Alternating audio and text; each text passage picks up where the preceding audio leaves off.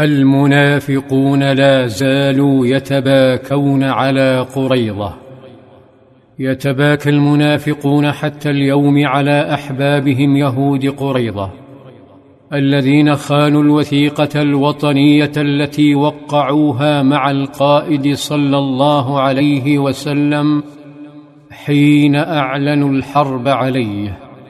ثم خانوا معاهدة السلام الثانية.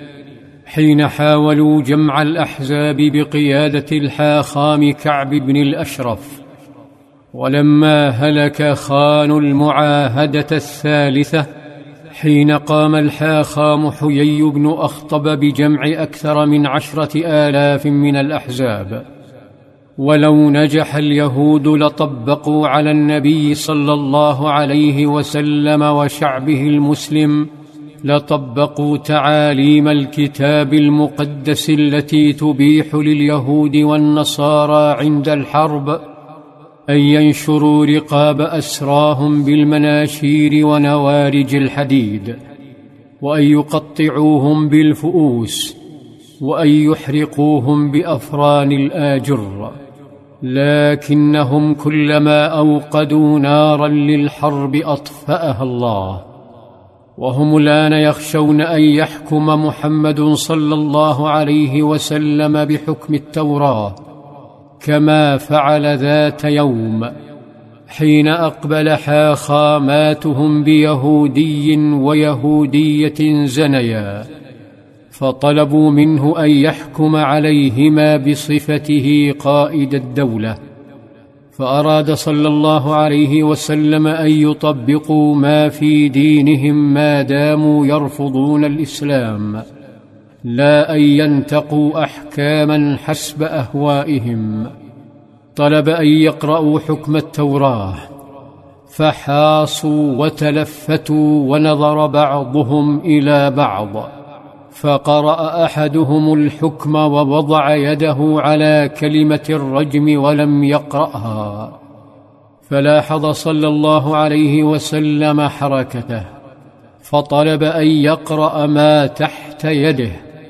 بعدها أدركوا أن النبي أعلم منهم بحقيقة دينهم فخافوا أن يحكم عليهم بحكم التوراة على الأعداء.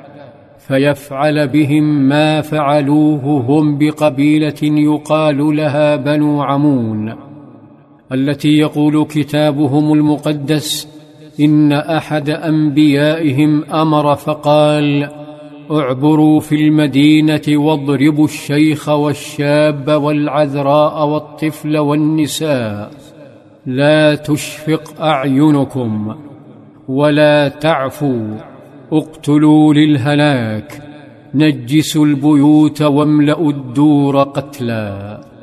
كان اليهود يخشون هذا المصير لذا رفضوا حكم النبي. كانوا يريدون عقوبة على مزاجهم لذا صاح أحدهم مطالبا أن يحكم عليهم حليفهم في الجاهلية سعد بن معاذ. فهو أرحم بهم. تنازل القائد صلى الله عليه وسلم ورضي بحكم سعد مهما كان حتى لو عفا عنهم. فهتف صلى الله عليه وسلم بمجموعة من رجاله وأمرهم بالانطلاق إلى المسجد وإحضار سعد من خيمته التي يتلقى العلاج فيها. فانطلقوا حتى دخلوا المسجد ودخلوا خيمته فسلموا وأخبروه. فرد السلام وشعر باستجابة الله لدعائه حين قال اللهم لا تمتني حتى تقر عيني من بني قريظة. حملوا الأمير وانطلقوا به. فلما رآه اليهود ابتهجوا.